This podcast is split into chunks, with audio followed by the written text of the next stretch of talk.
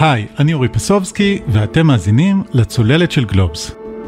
זה סיפור על הסתבכות כלכלית של גבר אחד, שהוא בעצם סיפור הרבה יותר גדול. פיטורים מהמפעל, שאחריהם מגיע ניסיון להיות בעל עסק קטן, שלא מצליח, ואז עוד עסק, ואז עבודה מזדמנת כנהג, ובגיל 47 הוא מוצא את עצמו גרוש, גר בבית של אימא, עם חובות ונושים שלא מרפים ממנו, ואפילו את הבת שלו הוא עלול לא לראות בגלל הרילוקיישן של בן הזוג החדש של גרושתו. במצבים כאלה קשה לפעמים לא להתפתות לקחת קיצור דרך. משהו שיחלץ אותך מהמצוקה הכלכלית וישנה את המזל שלך. אבל מה אם אתה עלול לשלם בחייך על קיצור הדרך הזה?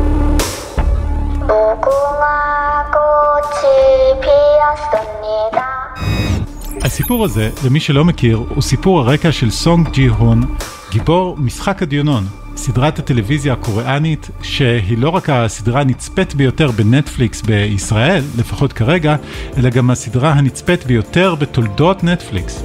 באופן קצת אירוני, הסדרה הזאת על מצוקה כלכלית שמובילה אנשים להיכנס למשחק על החיים והמוות, אמורה להוסיף לשוויה של נטפליקס כ-900 מיליון דולר. זו תופעה עולמית, אבל השורשים של הסדרה הזאת הם במציאות הכלכלית הדי אכזרית של דרום קוריאה, שאולי לא כזאת ייחודית לה. שלום לכתב גלובס, אופיר דור.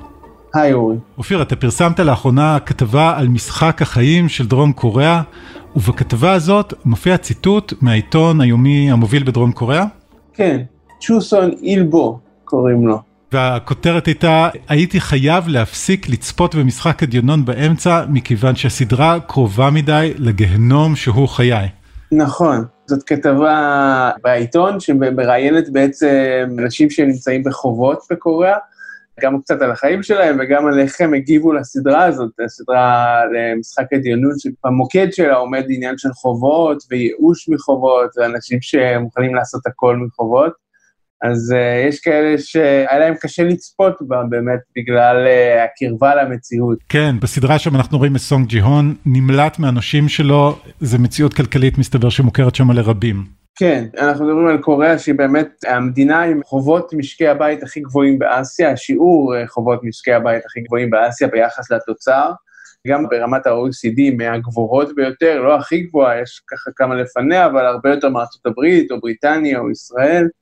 אז זו מדינה שחוב אה, אינו זר לה, זו מדינה שיש בה סטטיסטיקות מעניינות כמו 8% מהאוכלוסייה הם אה, חייבים כסף ללפחות שלושה מוסדות פיננסיים, ואחרי שהם ממצים את המוסדות פיננסיים הלגיטימיים, או כרטיסי אשראי ובנקים וכאלה, אז יש גם כאלה שפונים לשוק אפור וכאלה דברים, והסטטיסטיקה שאני קראתי זה משהו כמו 400 אלף קוריאנים שחייבים כסף למוסדות הלא רשמיים האלה, למלווים בריבית, כמו שנקרא. ועל זה באמת רצינו לדבר היום, על המציאות הכלכלית בדרום קוריאה, איך uh, המדינה הזאת הגיעה למצב הזה, ואולי גם קצת על איך הסדרה שנולדה ממנה הפכה לפופולרית כל כך גם במקומות אחרים.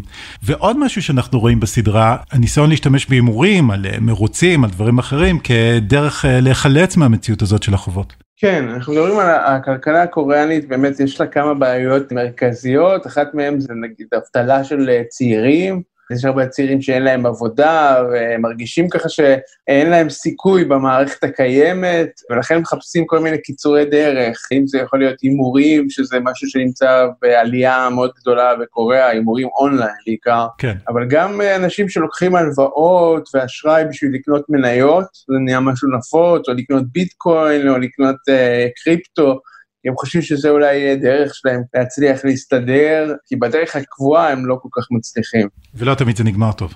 כן, זה הרבה פעמים לא, לא נגמר טוב. יש משהו שדרום קוריאה מובילה בו בפער ניכר מכל האחרים, ב-OECD לפחות, זה שיעור ההתאבדויות שם, שיעור ההתאבדויות הכי גבוה ב-OECD, למעשה היא מובילה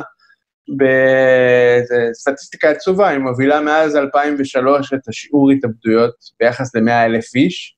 היו רק שנתיים שליטא הצטרפה ל-OECD והם קצת עקפו אותם לאיזה שנתיים, אבל אז אה, דרום קוריאה עוד פעם אה, הפכה למקום ראשון, אז יש הרבה סיבות שעלולות להוביל אנשים להתאבד, וכנראה אחת מהן זה באמת חובות ומצב כלכלי וייאוש מהמצב הכלכלי.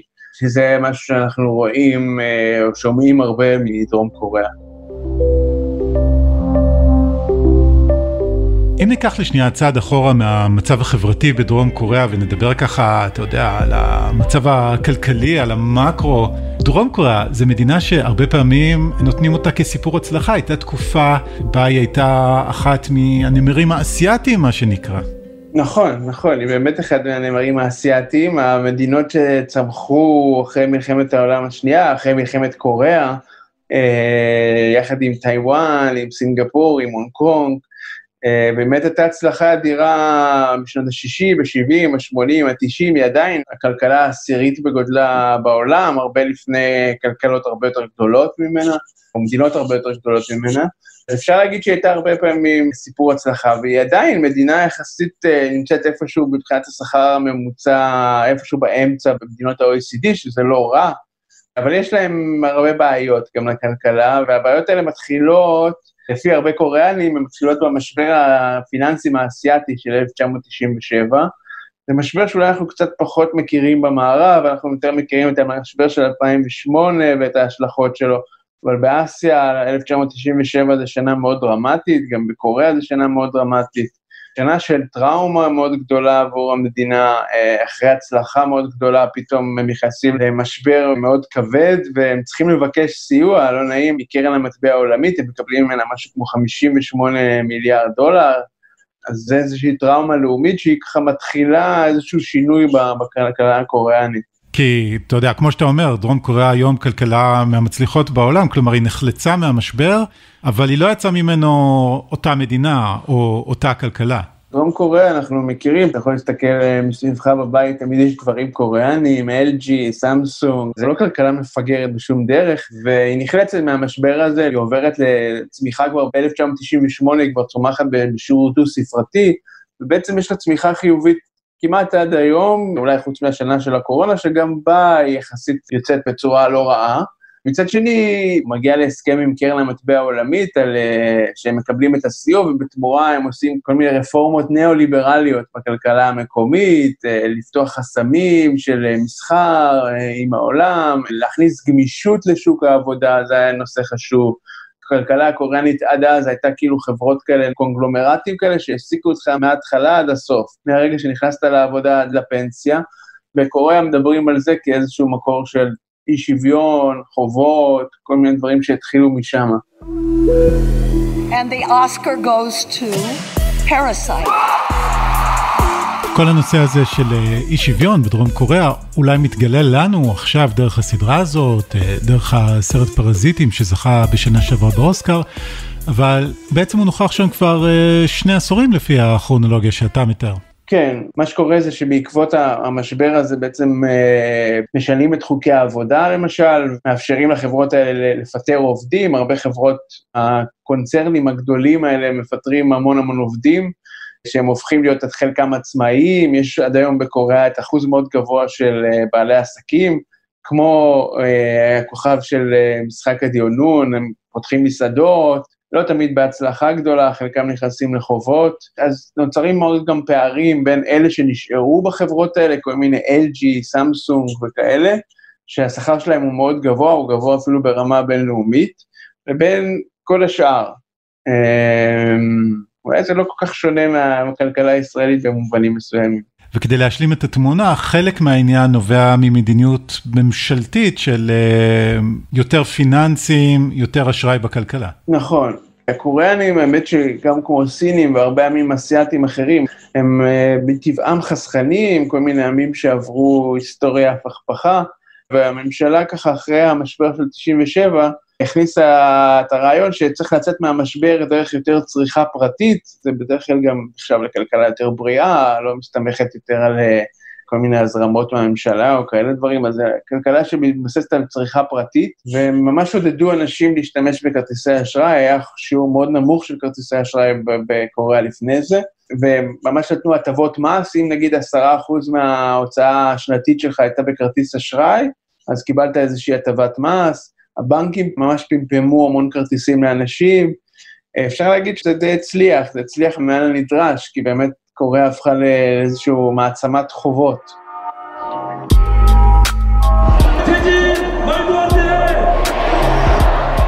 אבל אתה יודע, היו שם מחאות בשנים האחרונות, שאולי כדאי להזכיר אותן, ממשלה כן החלה להטיל מגבלות על אשראי. נכון, ב-2016-2017 פורצת שם מחאה של מיליונים, באמת מיליוני דרום קוריאנים יוצאים לרחובות, למחות. הסיבה המרכזית היא שחיתות, הנסיעה זה נסיעה פארק, מואשמת בשחיתות, היא גם יותר מאוחר תלך לכלא גם, והם קוראים להדחה שלה.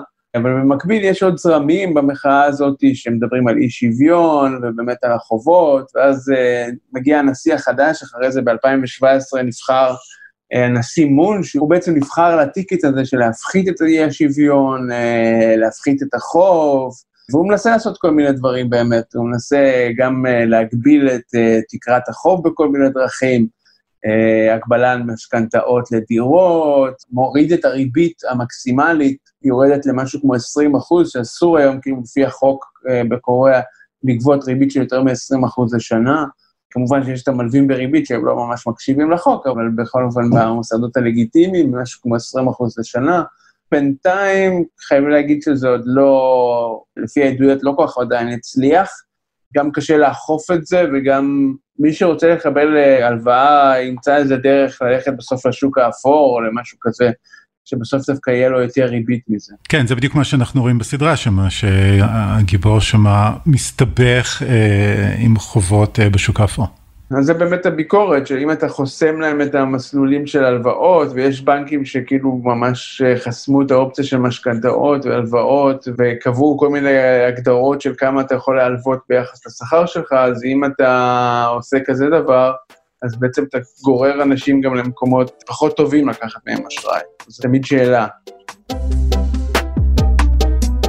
אבל אתה יודע, כמו שאתה אומר, עדיין יש את הענקיות הקוריאניות שהן אה, מאוד מצליחות, כמו סמסונג או LG, אתה יודע, אחת מחברות הטלפונים הגדולות ביותר בעולם, אה, שהעובדים שלהם כן מצליחים, הם, אה, אני מניח, פחות נשאבים למציאות הזאת של חובות, ובאמת אנחנו מכירים גם בתרבות הפופולרית את צד הנוצץ יותר של קוריאה, אתה יודע, אם זה גנגנם סטייל או להקות קיי-פופ, כלומר, יש שם איזה דואליות. כן, כמו בכל מדינה עם אה, אי שוויון, אז כן, יש את שני הצדדים, גנגם זה באמת השכונה הכי יוקרתית בסיאול, שם כנראה לא חסר לאנשים כסף. מה שקורה זה שבכלכלה, אחרי המשבר של 1997, בכלכלה הקוריאנית נוצרות שתי שכבות בעצם, יש את השכבה של החברות האלה שהצליחו לעשות את המעבר לבינלאומי, לשוק הבינלאומי, סמסונג ו-LG זה דוגמאות, אה, יש גם חברות רכב כאלה, והן חברות מאוד מצליחות והן גם משלמות אה, מאוד מאוד טוב, העובדים שלהם מרוויחים מאוד טוב. אה, מצד שני, הפער ביניהם לבין שאר העובדים במשק הקוריאני הוא הרבה יותר גדול מאשר במקומות אחרים בעולם, מול אנשים שהם נגיד בעלי עסקים קטנים שפונים לשוק המקומי, אז הפערים הם מאוד מאוד גדולים. וזה באמת חלק מהבעיה, שאלה ואלה הם רחוקים, והם פרזיטים, אנחנו רואים את זה בצורה הכי מעניינת והכי משעשעת אפילו, בין המשפחה העשירה ושיש לה הכל, לאלה שאין להם כלום בעצם. בלי לעשות פה איזה ביקורת תרבות אה, מעמיקה במיוחד, או ביקורת אה, טלוויזיה, אני אישית לפחות, אם לדבר על משחק הדיונון עצמה, בשלב מסוים קצת פחות אה, התחברתי, אולי בגלל שפיתחתי רגישות מסוימת לאלימות. זה ממש חילול הקודש מה שאתה אומר פה. נטפליקס הם אה, מודדים את הרייטינג לפי אנשים שצפו, זה כמה שניות בסדרה, זה כבר מספיק בשביל להיכנס לסטטיסטיקה. מבחינתם אתה כבר צפית, אה, אני דווקא די אהבתי, לא יודע, אני הרגשתי שיש בזה משהו שונה, גם בלוק, גם בדרך שמסופר הסיפור הזה. אנשים שמכירים יותר את הקולנוע הקוריאני אמרו לי שזה כאילו תמה קבועה, והנושא הזה כאילו חוזר על עצמו בהרבה סרטים וסדרות, ולהם זה לא היה חדש, אבל לי זה כן היה חדש, וגם הדרך שסיפרו אותו. אז אני בסך הכל די אהבתי. וכאמור אתה לא לבד, אתה יודע, למעשה לפי מסמכים פנימיים של אה, נטפליקס uh, שהתפרסמו uh, בבלומברג, הסדרה הזאת שווה להם כ-900 מיליון דולר, כלומר, יש כאן הצלחה שהיא באמת uh, בקנה מידה פנומנלי, ובעצם רציתי לשאול אותך שתי שאלות בכיוון הזה. קודם כל, יש את מה שהמספרים האלה אומרים לנו על נטפליקס והיכולת שלה לייצר הצלחות כאלה, ואולי גם uh, מה זה אומר לנו uh, על האנושות, אבל אולי נתחיל בנטפליקס. אני חושב שהם כנראה יוכלו להרוויח הרבה הרבה יותר מהסדרה, נטפליקס, משהו שהם חלשים בו ביחס נגיד לדיסני, זה מרצ'נדייז. הם פתחו אתר שמוכר קצת מרצ'נדייז, אבל זה לא, לא ברמות של דיסני, אין להם רשת חנויות, אין להם, ואין להם אה, דברים כאלה, והרבה פעמים גם הביקורת על נטפליקס, זה שהסדרות שלהם, כאילו אתה מסיים לראות אותם וכבר שכחת מהם ועברת הלאה, זה לא איזה משהו שמשאיר אימפקט, ותמיד תוהים כאילו אם בכלל אנשים ירצו לקנות מרצ'נדייז של הסדרות של נטפליקס. אולי במשחקי הדיונים דווקא זה, זה שונה, כי באמת יש שם תלבושות מדהימות.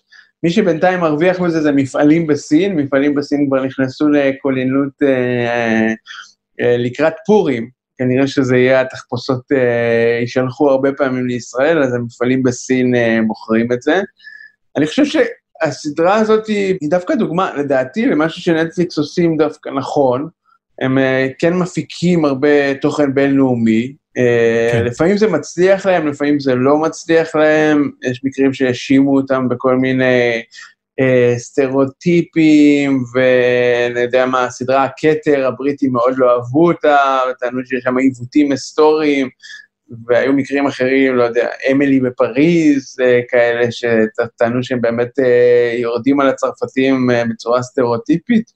אבל אני מרגיש שדווקא פה זה כן הצליח להם, ההימור הזה על תוכן בינלאומי, אנחנו רואים את זה גם, גם בישראל, הם עשו את Hit and Run, חצי ישראלי, עם היוצרים של פאודה, והרבה ישראלים לא אהבו את זה, טענו שזה, אתה יודע, מגוחך טיפה, וכאילו מציג את ישראל בצורה קצת סטריאוטיפית, אבל, אבל פה לפחות אה, מה שאני קראתי מהדרום קוריאנים, הם אולי לא אוהבים את זה ש...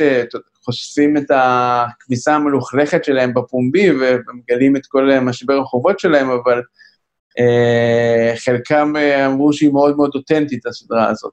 כמה שאפשר להיות אותנטי ביחס לזה שזה מדע בדיוני קצת, אבל כן.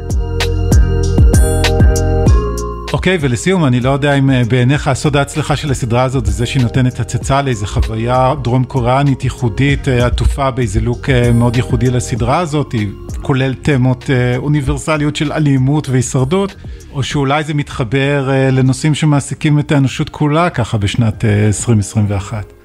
אני חושב שזה מתחבר בטוח גם לנושאים כאלה. דיברתי עם חברה שגרה, שהיא סינית, והיא גם סיפרה לי שהיא ראתה את הסדרה הזאת, וסיפרה לי שאת הסדרה הזאת היא כוכבת באתרים הפיראטיים בסין, בסין אין נטפליקס ולא משדרים את הסדרות של נטפליקס, הן לא, לא חינוכיות כאלה. הסינים מורידים אותה בטירוף, אז זה הוכחה שמשהו שמצליח גם במזרח, גם במערב, גם בארצות הברית, תמיד היה, אמרו על האמריקאים שהם שונאים לקרוא, לקרוא כתוביות. כן. והנה סדרה שהיא לא באנגלית והיא מצליחה בארצות הברית, והיא הייתה מקום ראשון בנטפליקס בארצות הברית, שזה הישג משמעותי. אני חושב שכן, נדבר על ייאוש כלכלי, נדבר הרבה על תאוות בצע, שזה כנראה רוח התקופה קצת, לא התקופה הזאת כבר הרבה זמן, של כסף, אתה יודע, יש את ה visual של כל הכסף הזה שיושב למעלה וכולם מוכנים אה, להרוג בשבילו. כן, נראה לי שהם כן אה, הצליחו למצוא איזושהי חוויה אוניברסלית. אופיר דור, תודה רבה. תודה רבה.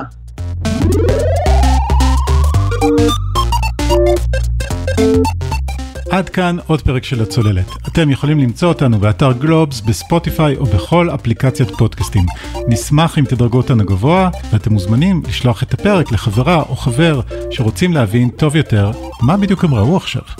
קטע הסאונד בהתחלה נלקח מערוץ היוטיוב של נטפליקס ותיעוד ההפגנות מסרטון של רויטרס שפורסם בערוץ היוטיוב של סטרייט טיימס.